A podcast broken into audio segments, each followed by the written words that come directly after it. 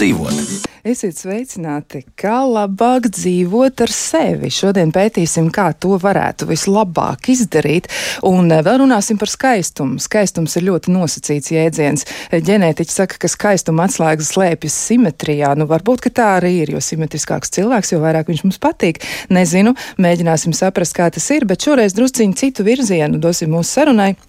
Un runāsim par to, kā nekļūt par tādu lētu skaistumu upuri, jo mēs tiešām tiecamies eh, raudzīties uz sevi spogulī, mums gribas uz sevi skatīties, un gribas arī, protams, izskatīties ar vien labāk. Un, protams, pavasars nāk, saule spīd, gribas iet ārā, eh, un tiešām gribas par sevi parūpēties. Bet vēl pirms mēs sākam savu sarunu. Gribu atzīmēt tādu ļoti, ļoti būtisku, manuprāt, vēsturiski nozīmīgu lietu, e, ka mēs varam teikt, ka mūsdienu plastiskās, plastikas ķirurģijas tēvs, e, nu, šīs cilvēks ir Sērs Harolds Gilijs. E, viņš ir bijis Jaunzēlandes otolaringologs, strādājis arī Londonā, un viņš ir ļoti daudz darbojies ar tiem cilvēkiem, kuri cieta Pirmā pasaules kara laikā.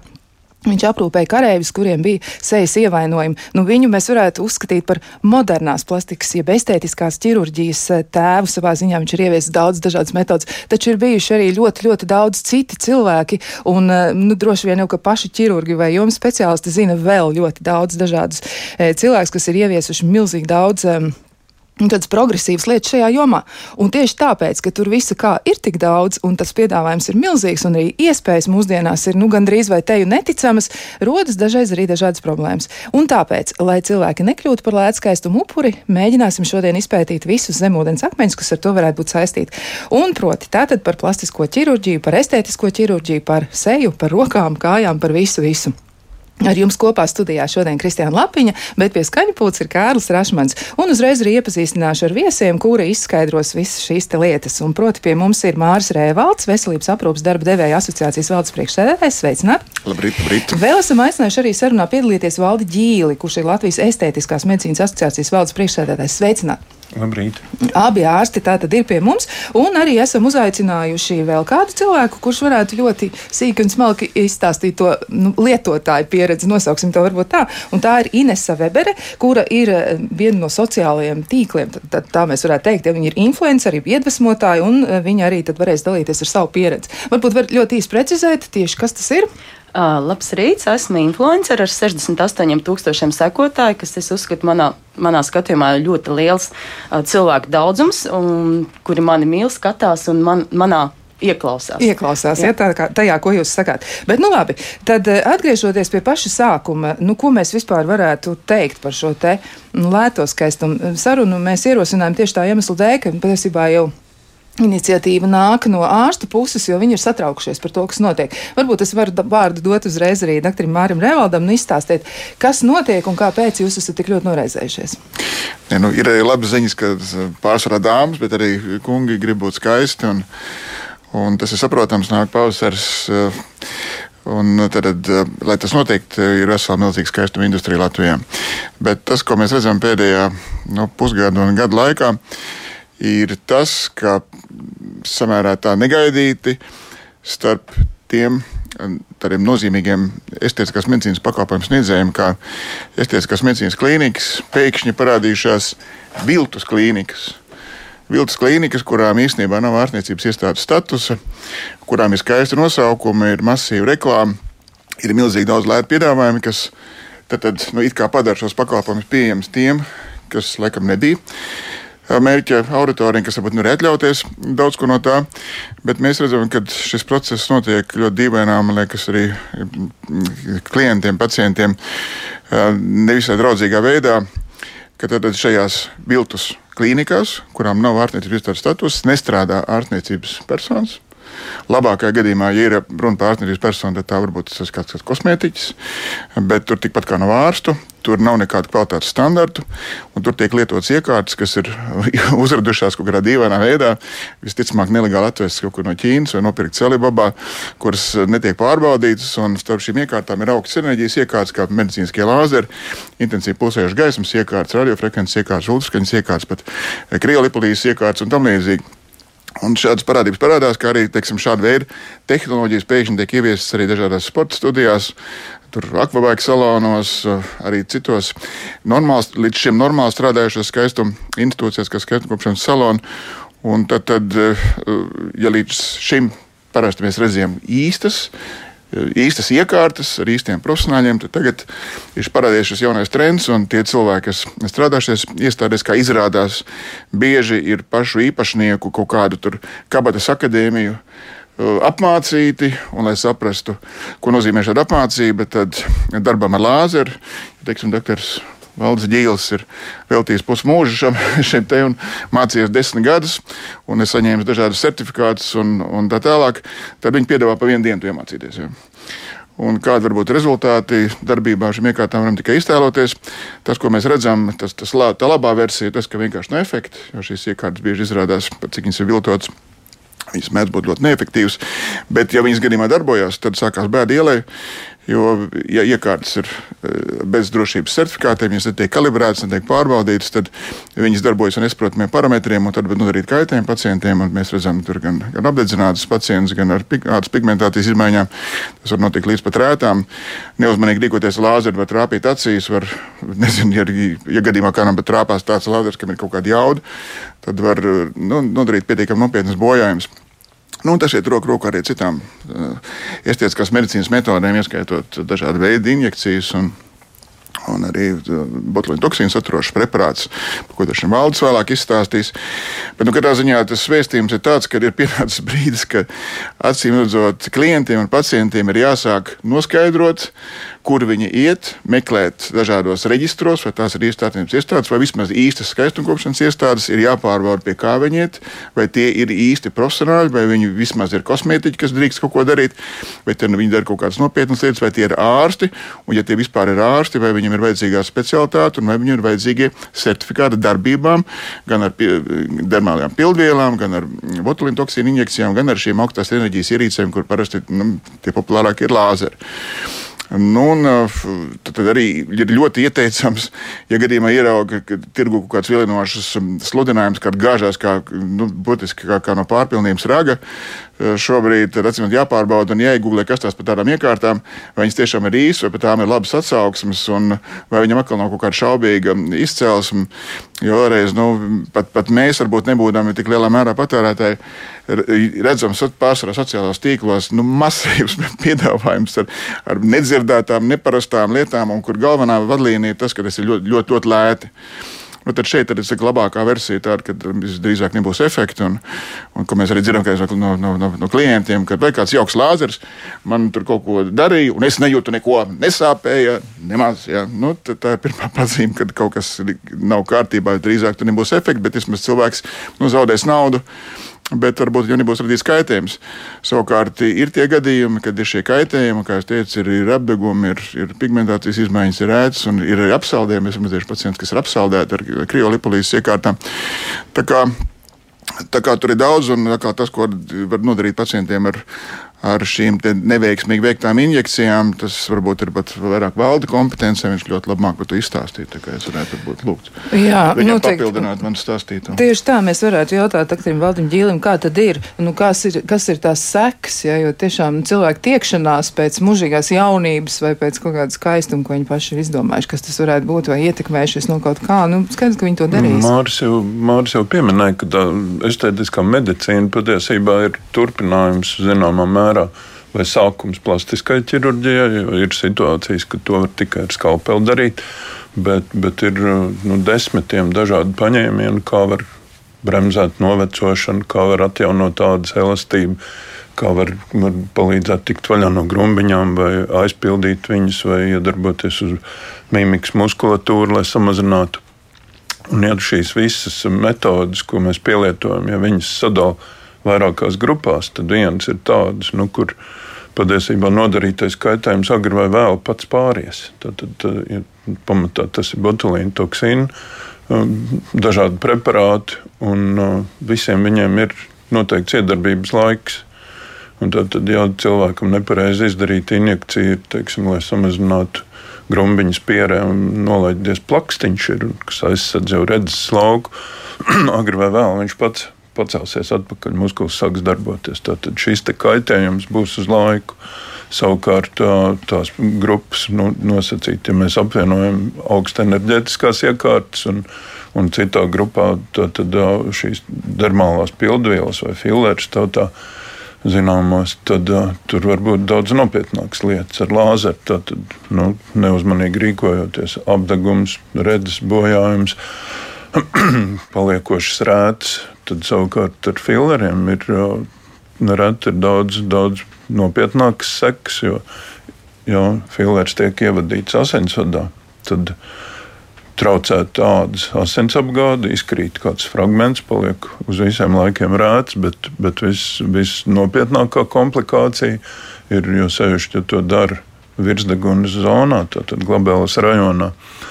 Tad šajā, šajā vietā ir ļoti nopietnas anatomiskas struktūras, tā skaitā arī anastomozes, tātad savienojums starp galvaskausa iekšējiem un ārējiem asinsvadiem. Un traupot šādā asinsvadā, nereti iestājās aklums, var tikt attiecīgi izraisīt asinsvadu aizsprostošanās tādu, kas var pat insultu izraisīt, un, un tad tās sekas ir vairāk nekā nopietnas. Jā, un patiesībā tas seks varētu būt pat tāds traģisks, jā, jebkurā Reāli gadījumā. Traģisks, Reāli jā. traģisks, jā, tad ļoti nopietnas lietas. E, es saprotu, ka ļoti grūti ir par kaut kādu statistiku runāt, bet arī klausītāji jautāja, vai ir kāds pētījums un dati par šiem tā saucamiem kaktu speciālistiem. Nu, kā jūs varētu raksturot to? Jūs teicāt, tas pēdējais gads, pusgads, ja, nu, tāda gandrīz vai tāda negatīva sērga, ja nu, tā mēs varētu apzīmēt. Es, es, vakar Veselības ministrijā bija ēna ekonomikas apkarošanas darba grupa, un tad Veselības inspekcijas vadītāja atgādināja, ka Covid laikā es atceros, ka bija, bija iespēja saņemt pabalstus tiem, kas nestrādāja. Tad skaistumkopšana bija aizliegta uz vienu brīdi. Un tad notika ļoti interesanta lieta, ka pēkšņi legalizējās nelegālie skaistumkopēji, lai saņemtu šīs te, šos pabalstus un legalizējās 6000. 6000. Tādi, kas acīm redzot, ir darbojušies pa pagrabiem, pa dzīvokļiem, pa viesnīcas numuriņiem, pa virtuvēm, kur nu viņi tur ir bijuši, vai varbūt viņiem ir kaut kādas prakses bijušas ieintegrētas kaut kādās, varbūt nu, kaut kādas kaut cik normālās institūcijās, varbūt pat īstos skaistumkopšanas salonos. Tad šit, šit, šit tik liels skaits pēkšņi iznāca no ēnas un parādīja, cik īstenībā tā industrija ir liela Tā ir milzīga liela industrija, kurā darbojas daži dažādi cilvēki, un vēlreiz visu cieņu tiem, kas ir saņēmuši normālu izglītību. Jo viņi parasti uzvedās atbildīgi, bet ir tādi, kur, kur izglītība ir aiziet uz kaut kādiem, teiksim, kāda kosmētiskā zīmola produktu pārdošanas kursiem, kur viņi noklausījās vienu dienu, cik jaukas ir šīs smēlī, smērītes un krēmiņi, un viņiem iedos skaistu papīru, ko viņi pieliek pie sienas. Ir arī tādi kursi, kur bija pēc iepriekšējās ekonomiskās krīzes, kuras laikā ar Eiropas Savienības atbalstu tika arī notika kaut kāda pāris mēnešu skaistumkopšanas, kaut kāda pamatu apmācība. Un ir cilvēki, kas ir dabūjuši pēc izskata cienījumu papīru kaut kādu, pat ar Latvijas kaut kādu ģērboņainu zīmogu. Un arī tāda ir, ir, ir apritē. Bet ir tādi, kas apmeklē kaut kādas dīvainas, kā jau pieminēju, kaut kādas kabatas akadēmijas, kaut kādiem vai nu iekārtu vai, vai kosmētisko zīmolu pārdevējiem, kur ir, ir nodibinājuši arī apšaubāmas kvalitātes kaut kādas izglītības iestādes, kuras neskapēc ir, ir pieļāvusi arī attiecīgi uzraugošās institūcijas. Viņi tur izdala visus tādus papīrus, kas parasti ir ļoti skaisti un krāsaini. Viņi brīnišķīgi izskatās pie sienām, ja tur visās varavīksnes krāsās ir rakstīts, kā gan tur tagad, nezinu, tur, tur valdes ģīles tagad pēkšņi ir, ir kļuvusi par milzīgi speciālisti. Nu, šeit ir pienācis brīdis, kad ir vēlreiz jāvēršas pie reģistriem. Tie reģistri ir publiski, pieejami un atcīmot, jāskatās, pie kā kurš tur dodas.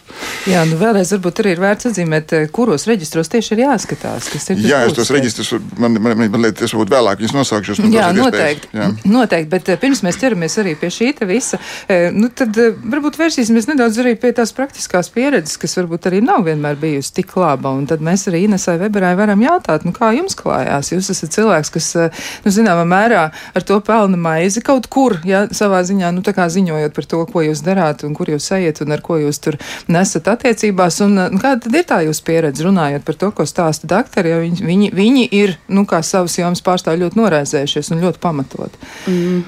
Sākotnēji, kad es sāku darboties sociālajos tīklos, man sāka piedāvāt visādas bartera variantus, to saucamo kaktiņu kantoru, ja, kuri gribēja sevi noreklamēt un pastāstīt. Ja.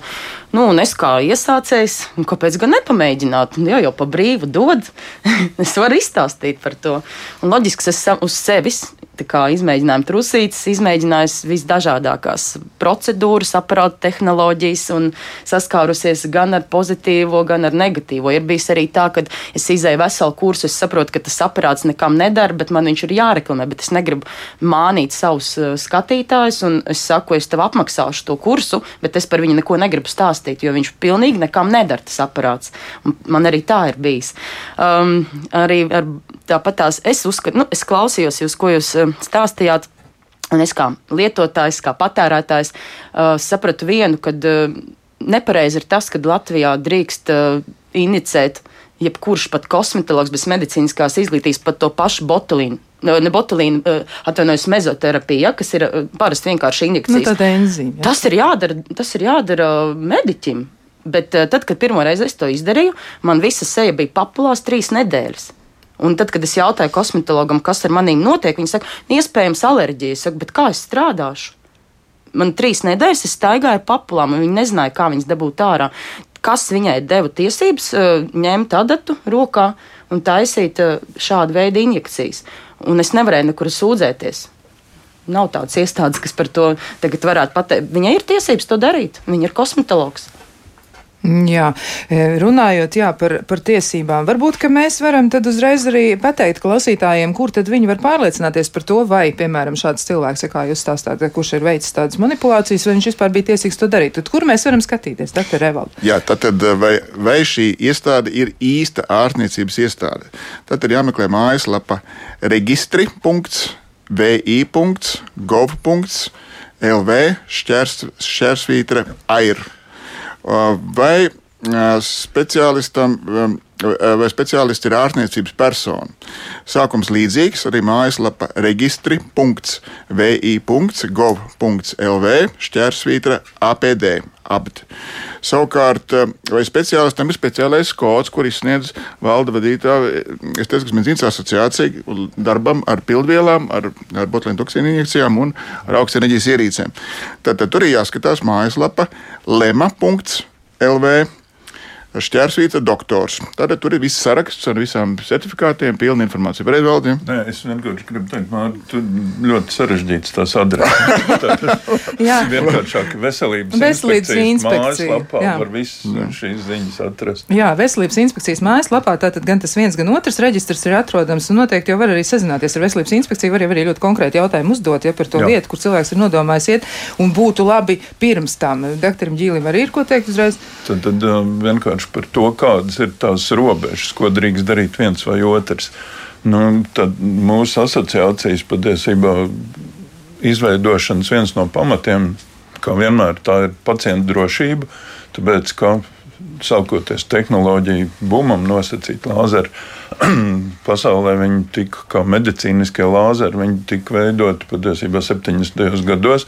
Medicīnā pirmo reizi es ar lāzeru saskāros 1986. gadā. Toreiz tie bija ķirurģiskie lāzeri, griešanai paredzēti. 90. gadu beigās pirmie lāzeri, kas, kas bija jau saistīti tā skaitā arī ar skaistumu kopšanu, kas bija paredzēta asinsvadu likvidēšanai, pigmentu ārstēšanai, virsmu apstrādēji Tātad tie 90, nu, Latvijā konkrēti, konkrēti attiecīgi, tātad 99. gadā mēs sākām to nodarboties. Patiesībā tas bija ne tikai Latvijā. Kādreiz mums ir bijušas tādas ziņas, ka, ka mūsu izveidotā klīnika ar pilnu šo komplektu, tad ir bijusi viena no pašām pirmajām arī bijušās PSRS sastāvā, kā tādā. Tad, nu, patiesībā visā austrumu, varētu Eiropā, teikt, virzienā. Ne jau gluži visā austrumu Eiropā, bet, bet jebkurā nu, gadījumā daļā, tā, jā, šajā jā, daļā. Jā. Nu, lūk, un, un tad, tad, attiecīgi, visa tā apmācība balstījās uz to, ka mēs um, Latvijā ir biooptikas, varētu teikt, un, un lāzeru. Uh, viens no pašiem nopietnākajiem speciālistiem ir Latvijas Universitāte profesors Spīguls. Tātad kopā ar, ar Zviedrijā izstrādāt apmācības programmu mēs pirmie ārsti, apmēram 20 speciālisti, gājām cauri apmācībai, un tā bija pamatā lāzera fizika, attiecīgi op, optika, audos un tam līdzīgi. Un savukārt šo medicīnisko daļu, to iedarbību uz patoloģiju, to jau mēs mācījāmies vienlaikus gan ar tiem speciālistiem, kas tika uh, reizē pērkot aparatūru. Ļoti bieži augstākās klases apmācīti apmācīt tiesīgie speciālisti tiek komplektā dot līdzi. Tad ir divu dienu garumā parasts seminārs, un pa katru patoloģiju nopietni gājām cauri. Tad, tad tas, tas bija sākums. Nevienā no uh, Latvijā esošajām teiksim, medicīniskajām specialitātēm, ne plastikas ķirurgiem, ne dermatologiem, um, ne kosmetologiem, kur savā laikā tika apmācīti. Programmā šīs lietas nebija. Tas, kas tiešā veidā saistījās ar estētisko medicīnu, nu, tad arī šīs trīs pieminētās grupas. Un, uh, līdz ar to mēs sapratām, ka tas uh, process, vai ne visi kaut kur izdzirdējuši, ka ir nu, iespēja to pielietot pašmācības ceļā apgūt. Bet izrādījās, ka uh, tās zināšanas ir par mazu, un mēs no, caur savu asociāciju mēs patiesībā veicām šo apmācības darbu. Savukārt tiem, kas, kas bija kaut kur citur apguvuši, nu, lai varētu, lai varētu attiecīgi novērtēt viņu zināšanas, tāpēc tika um, caur ārstu biedrību, caur veselības ministriju tika ieviest šī te, nu, certifikācijas programma saistībā ar trīs pieminētajām grupām. Tad mūsu asociācija, kā vadošā, protams, šajā virzienā, Viņi ir atbildīgi par to certifikāciju. Mēs esam ārstu biedrības sastāvdaļa. Tad, principā, ārstu biedrība ir tā, kas izdod šos certifikātus atbilstoši likumam. Un tad runājot par to robežu starp to, ko drīkst kosmētiķis vai skaistumkopšanas speciālists. Tīri vēsturiski sagadījās tā, ka Latvijā šiem speciālistiem tika nu, dots zināmā mērā vairāk iespējas, viņi tiek apmācīti. Nav gluži tā, ka viņi paši izdomātu, ka viņi grib durt kaut ko ādā dziļāk. Bet, bet tīri vēsturiski, atšķirībā no Eiropas patreizējās skaistuma, viņš saucās estētiskās medicīnas standarts, tātad kā Eiropas kā direktīva patiesībā viņa ir. Tur šī robeža skatās ādas ragas lāņus. Tad, tad viss, kas ir uz augšu no ādas ragas lāņa, to drīkst darīt skaistumkopšanas speciālists, kosmētiķis, uh, Latvijā mēs esam vienojušies, ka viņi drīkst durt tādā pašā ādā. Bez tad, medicīniskās izglītības. Nē, tieši iet runa par tiem, kas ir ar, ar koledžas izglītību. Ja, tātad, un runājot par preparātiem, hialuronas kābi, teiksim, kas ir pamats dermālajiem fileriem, viņa ir divi, divi veidi. Viena ir tā sauktā natīvā un viņi ir mazāk bīstami. Viņi nu, normāli viņi ir arī organismā, ir, un uh, savukārt fileros tiek izmantot tā sauktā konjugētā vai divu spirāļu tādu nu, hialuronas skābi. Kāpēc tas tiek darīts? Kāpēc ir šī konjugēta? Tāpēc, ka viņa tik ātri neizdalās. Un ņemot vērā, ka fileri reāli tā ir nu, dārgs pasākums vai ne šīs injekcijas. Tad, lai efekts maksimāli ilgi saglabātos, tad tiek lietot šī konjugēta. Tad ar to drīkst nodarboties tikai ārsti. Preparāti tādi kā botulīna toksīns vai, vai šie dermālie fileri. Viņi ir patiesībā tikai nu, dermālie fileri, ir medicīnas ierīce, kur visos aprakstos, ja lasa, tad tur ir teikts apmācīts ārsts attiecīgi tur atbilstoši nokārtojas pārbaudas vai ne savā, savā valstī. Un botulīna toksīns ir recepšzāles. Tad, tad normāli kosmētiķi un skaistuma kopšanas speciālisti nevar izrakstīt šos preparātus. Viņi nu, legāli viņi netiek pie šiem preparātiem. Un, ja kāds to piedāvā, nu, tad, tad skaidrs, ka tas ir kaut kas, kas ir pārkāpjot normatīvus. Tā, Jā, tā tad tur būs kaut kas nelegāls. Mums ir klausītājs zvans, tūlīt arī uzklausīsim, kas ir sakāms. Mēs jūs esam gatavi uzklausīt. Sakiet, kas ir uz sirds? Jā. Nu, redziet, tās ir sekas visam tam, jā, kad uh, uzpūstas cenas, tas ir pirmkārt. Jā. Otrkārt, doktoriem netiek maksātas nopietnas algas, kādas vajadzīgas. Tie bijušie doktori vai nu aiziet uz ārzemēm strādāt, kur labas algas ir, vai aiziet pagrīdē. Es nereklamēšu konkrēti man, jā, izraut zobu vajag, jā. 80 eiro par zobu izraušanu atvainojiet, kas tur apzeltīt kaut kas vai kas ir. Es aizgāju, man vairāk zobu bija jāizrauj. Aizgāju pie tā saucamā kaktu doktora. Ja, es zinu, ka viņš ir profesionāls doktors, aizgāja pagrīdē vienkārši. Viņš to izdarīja par 25 eiro. Ieliku septiņus implantus. Oficiāli likt man vajadzēja septiņu implantu iekšā. Ja. Tas man bija vajadzīgs 8000. Tagad Labi, es ieliku bet, iekšā to pa 1200 ieliku, pēc tam man 6 mēnešu uzraudzība bija. Ja? Viss kārtībā, man mutē visi zobi ir ar implantiem skrūvis iekšā. Es nesūdzos neko. Kur tās pasakainās cenas rodas izstāstiet?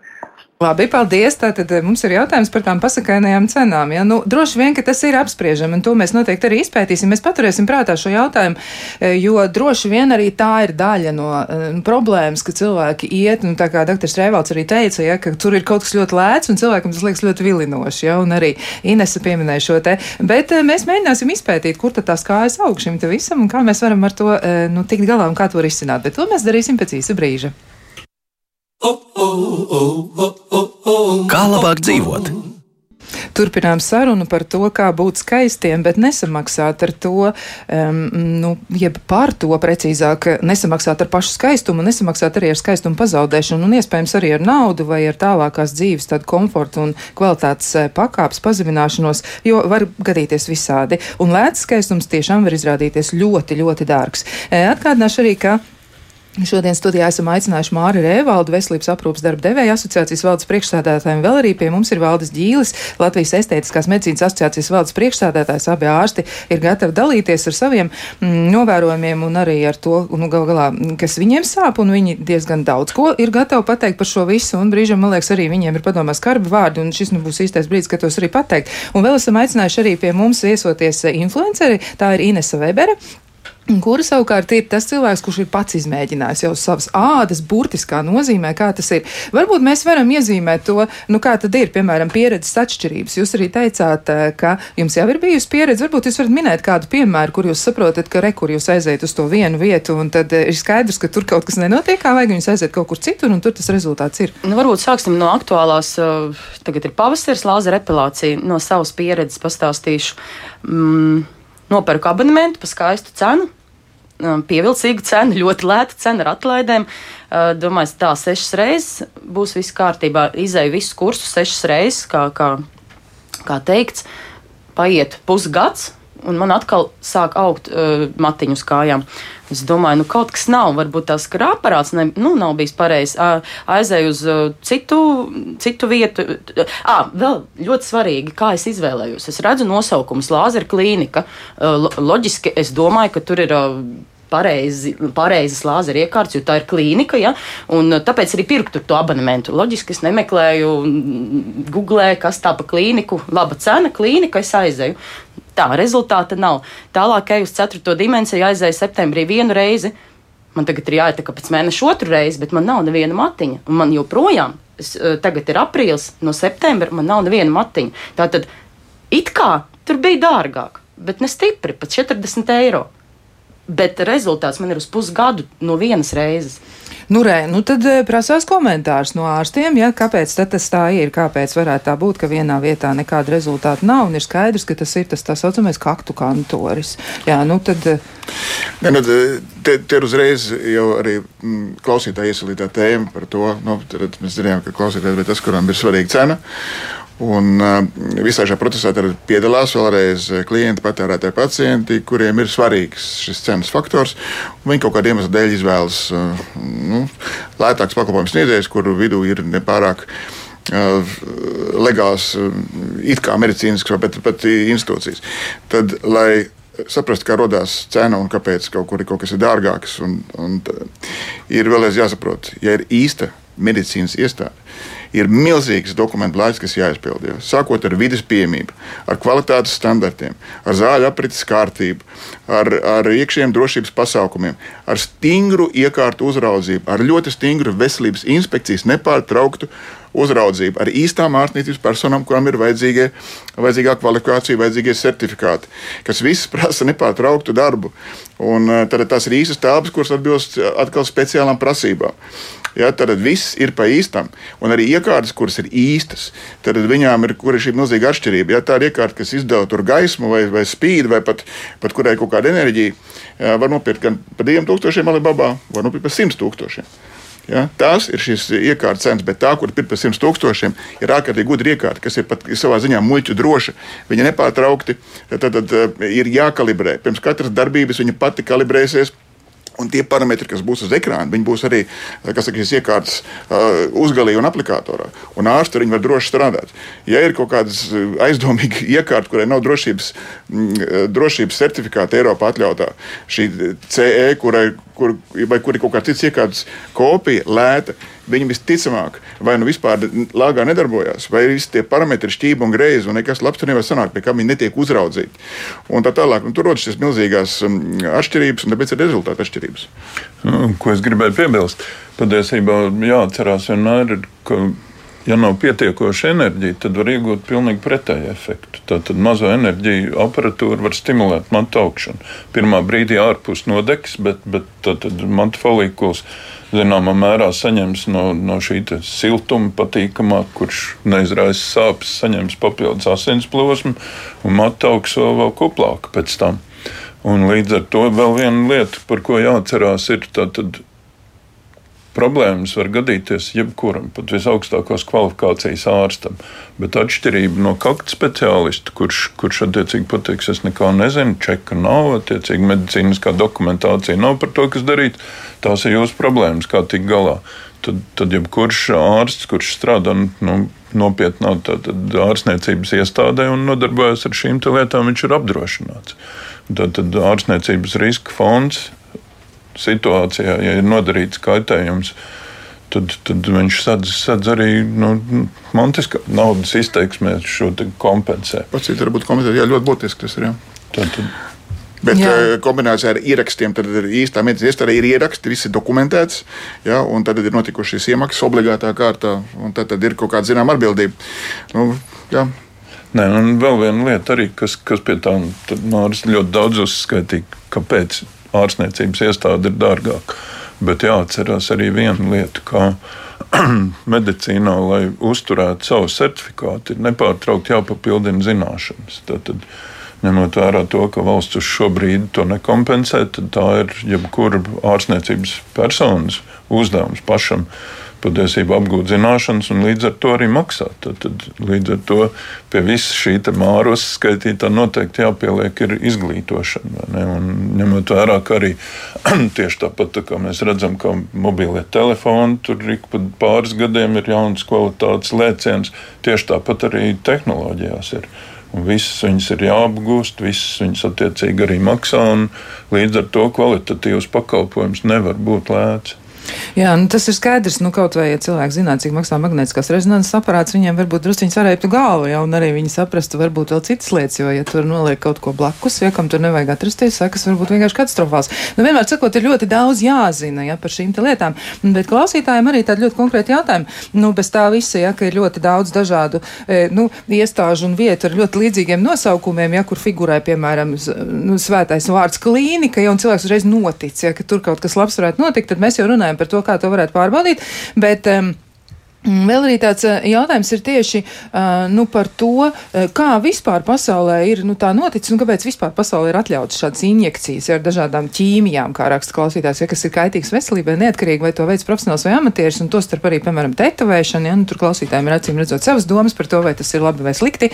Droši vien, ka vairāk viņš ir negatīvi noskaņots. Nu, kā vispār tas tā nāks, ja, ka, ka nu, šāds, šādas metodas tiek lietotas? Nu, tetovēšana, jau, protams, ka tā ir nu, tūkstošiem. Jā. Jā. Bet jāatcerās viena lieta. Alerģiju cilvēki var sagaidīt nu, visdažādākajās situācijās, tā skaitā arī tetovējoties.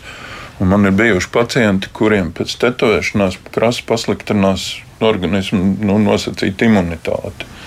Un ārstējās pie alergologa, un skaidrs ir, ka iemesls tomēr ir ievadītā krāsviela. Reti, bet tā gadās. Un jebkuram, kurš iet tetovēties, vienmēr jārēķinās. Tetovēšanās ir risks gan šīs alerģijas dēļ, vai ne, anafilaks. Tas ir momentāli varbūt, bet tas var arī ilgtermiņā ietekmēt. Otra lieta ir, ka, ja cilvēks izdara nu, izvēli un tad, tad saņem šo te tetovējumu, pēc laiciņa viņam apnīk, tad, tad jebkura tetovējuma izņemšana tomēr atstāja zīmes. Tetovējums ir ēta to, ka var krāsu izņemt un iegūt vietā gaišāku zīmēm, tas, tas arī fakts ir. Bet, jebkurā gadījumā, tad, tad, nu, tas ir pietiekoši nopietnas lēmums, par ko jādomā. Par, par citām vielām, ko izmantot estētiskajā medicīnā. Nu, mēs nevelti mums tā metodas, tā certifikācija, viņas saucās biomateriāli. Tātad biomateriāli ir doma tāda, ka neko pamatā sintētisku mēs cenšamies nelietot. Ir ļoti reti izņēmumi. Nu, tā skaitā arī teiksim, ķirurģiskie diegi kādreiz vai ne, kas ir sintētisks materiāls, bet pārējie tātad gan hilarona skābi, gan kalcija hidroksilapatīta preparāti pazīstami populārākais ir radiēze. Viņi visi balstās uz vielām, kuras jau ir sastopamas cilvēku organismā. Tad šis kalcija hidroksilapatīts ir nosacīts zobos vai kaulos, ir, līdz ar to viņa nav organismam pilnīgi sveša. Tad viena no lietām, kas arī sastāv preparātu cenu, tā ir nu, iespēja to pašu hilaronu skābi iegūst audzējot no baktērijām.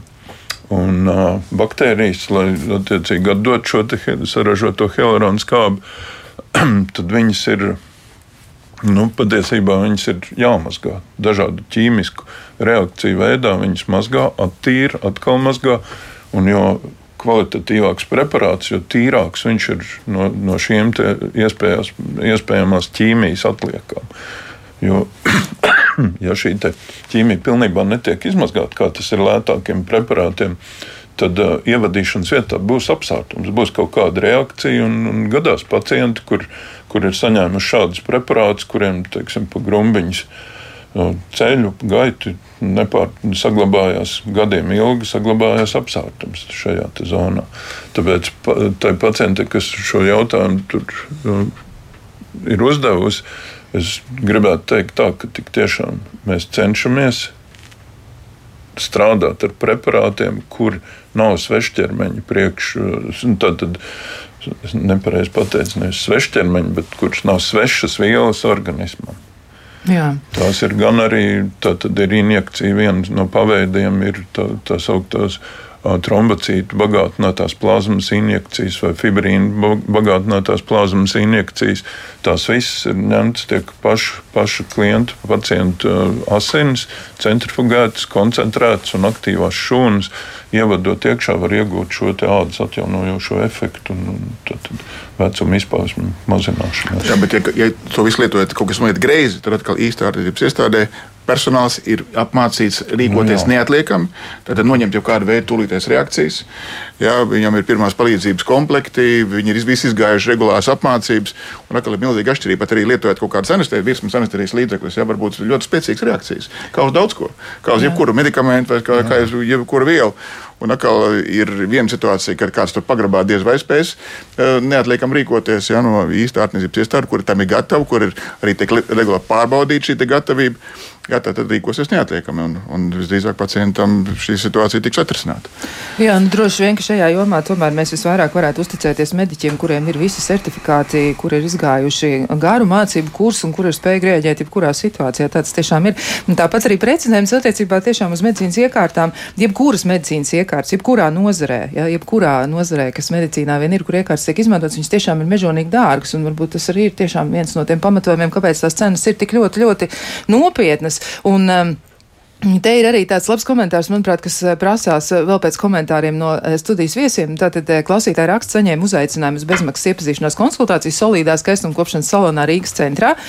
Stundas garumā speciāls darbojas ap manu seju un bez apstājas reklamē kādu brīnumziedu, bez kuras no es kādu nevarēšu turpmāk iztikt. Un, kad beigās atteicos to pirkt, jo tā bija nesamērīgi dārga, mm, attieksme pilnībā mainījās un saņēma prognozes, ka briesmīgā stāvoklī būšot mana āda. Ja? Nu, tad, nu, tad ir draudi vienkārši, ja cilvēkam tā kā mēģina, nu kā la, latvieši mēdz teikt, ja, ķer uz muļķi. Ja? Nu, tiešām tā tas arī izklausās. Ja? Un tad eh, vēl, manuprāt, arī te vēl var pielikt klāt vēl vienu eh, komentāru, kas eh, bija pats pirmais gandrīz vai kurš raidījumā šodien arī ir iesūtīts no klausītāja puses, tāpēc, nu, un, un klausītāja rakstā, kāpēc Latvijā jomā, kas ir saistīta ar medicīnu, ja, nu, savā ziņā te vajadzētu būt saistīta ar medicīnu, patiešām ir tāda banānu republikas tāds līmenis, kā viņi izsakās, ja, un tad doktors Rēlats jau pieminēja 6000, ja, visādi tādu interesantu veidojumu, ja, no kuriem tikai daži droši vien var pretendēt uz, uz, uz tiešām tādu statusu, kuram mēs varam uzticēties, un e, cilvēkiem, kam tik ļoti gribas sev kaut ko piešūt vai nogriezt, ir jādodas nevien, nevis pie tāda, kas, kas var to nogriezt, ja, bet e, galvenais galvenais, mm, vajadzētu doties viņiem varbūt pie psihologiem, jā, vai pie psihiskās veselības aprūpas speciālistiem, ja, kas varētu kā, varbūt palīdzēt saprast vispirms jau, kāpēc vispār tev gribās kaut ko tādu darīt. Bet tad atgriežoties pie šī komentāra, jā, nu tā tad ir tādi draudi gan arī, vai nu, ja šito nepirksi un tu to nedarīsi, nesmuki izskatīsies, ja pēc dienas jau viss būs pagalam. Jā, tā draudi nesen bija Rīgas lidostā. Tur arī tāds kantors, kurš piedāvā bez maksas kaut ko uzieķēt uz sejas, un, ja tu nesakies pirkt, tad tev nolādē. Pilnīgi tā. jā, jā, tur ir tāds rekets. Jā, nu ļoti, ļoti eh, traki, jā, tiešām. Bet, eh, nu, eh, vēl viena klausītāja arī jautā tā.